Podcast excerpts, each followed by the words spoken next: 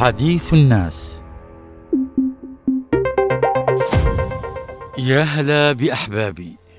التسول وما أدراك ما التسول. التسول يا إخواني ظاهرة مزعجة.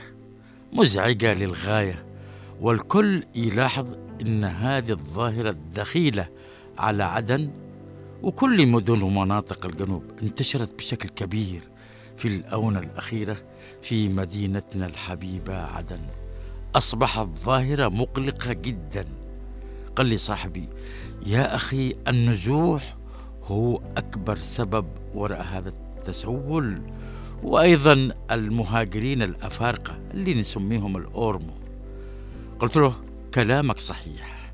النزوح والأفارقة الذين هاجروا إلى عدن وبعض مناطق الجنوب تدفق أيضا أعداد كبيرة من الأسر من مناطق الصراع إلى العاصمة عدن والمحافظات المجاورة.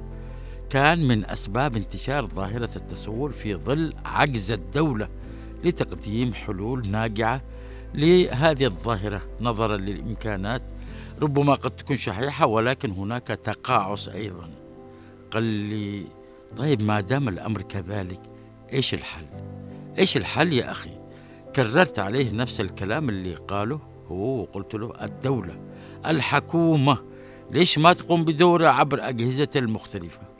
قال لي طيب المنظمات والمؤسسات المدنية غير الحكومية عليها مسؤولية. قلت له نعم لكن للأسف الشديد دور هذه المنظمات ضعيف بل ضعيف جدا. هذه الظاهرة يا أخواني آه تستغل من قبل جهات معينة وربما عصابات منظمة تستفيد من الوضع الهش اللي يعيشه البلد وتعمل على الاستفادة من الأطفال الأبرياء لجلب الأموال من الشوارع.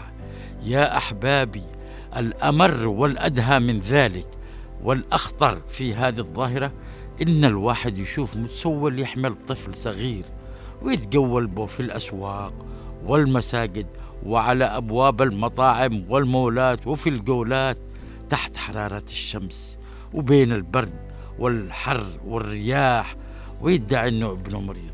طيب إذا كان هذا الطفل بالفعل مريض ليش ياخذوه معه ويدور به من مكان لآخر في حر الشمس وعلى مدار الساعة؟ والله والله شفنا مشاهد تؤلم القلوب. تشوف امرأة تحضن طفلها في حر الشمس وهو نايم وتدربه في الشوارع والطرق والجولات وعلى أبواب المساجد وأتساءل هؤلاء الأطفال قرعتهم أمهاتهم مخدر عشان يظلوا في نوم مستمر. إيش هذا بالله عليكم؟ فين الرحمة والشفقة؟ إذا كنت أنا أتألم على هذا الطفل أو ذاك فكيف ما تتألم أمه؟ ولا ينفطر قلبها الله الله الله الله, الله. إيش ذا؟ هنا لابد أن تقوم السلطات المحلية وكل الجهات المعنية بدوره وتتنبه لمآلات هذه الظاهرة الخطيرة الخطيرة بشكل بشكل تشيب له الرؤوس وتقشعر منه الأبدان.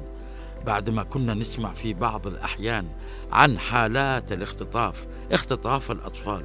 طبعا يا إخواني شوفوا إذا حد شاف شخص يحمل طفل ويتسول به.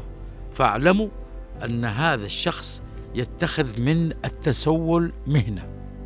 فالسكوت عن ذلك قد يؤدي إلى انتشار عمليات اختطاف الأطفال وربما أيضا ارتكاب الجرائم ويستخدموا هؤلاء الأطفال أو أيضا من المتسولين الكبار يستخدموا في ارتكاب الجرائم والسرقات الكبيرة. طبعا بالنسبة للأطفال اللي يحب طفله لا يمكن يتجول به وهو مريض. ياخذه إلى المستشفى أو إلى أقرب عيادة. كلام فاضي. يتجول بطفله وهو مريض. كثير من الناس الآن يطالب الجهات المعنية بالقيام بدوره لكبح جماح هذه الظاهرة وإنهاء تماما حتى لا تتسع مآلات هذه الظاهرة كثير.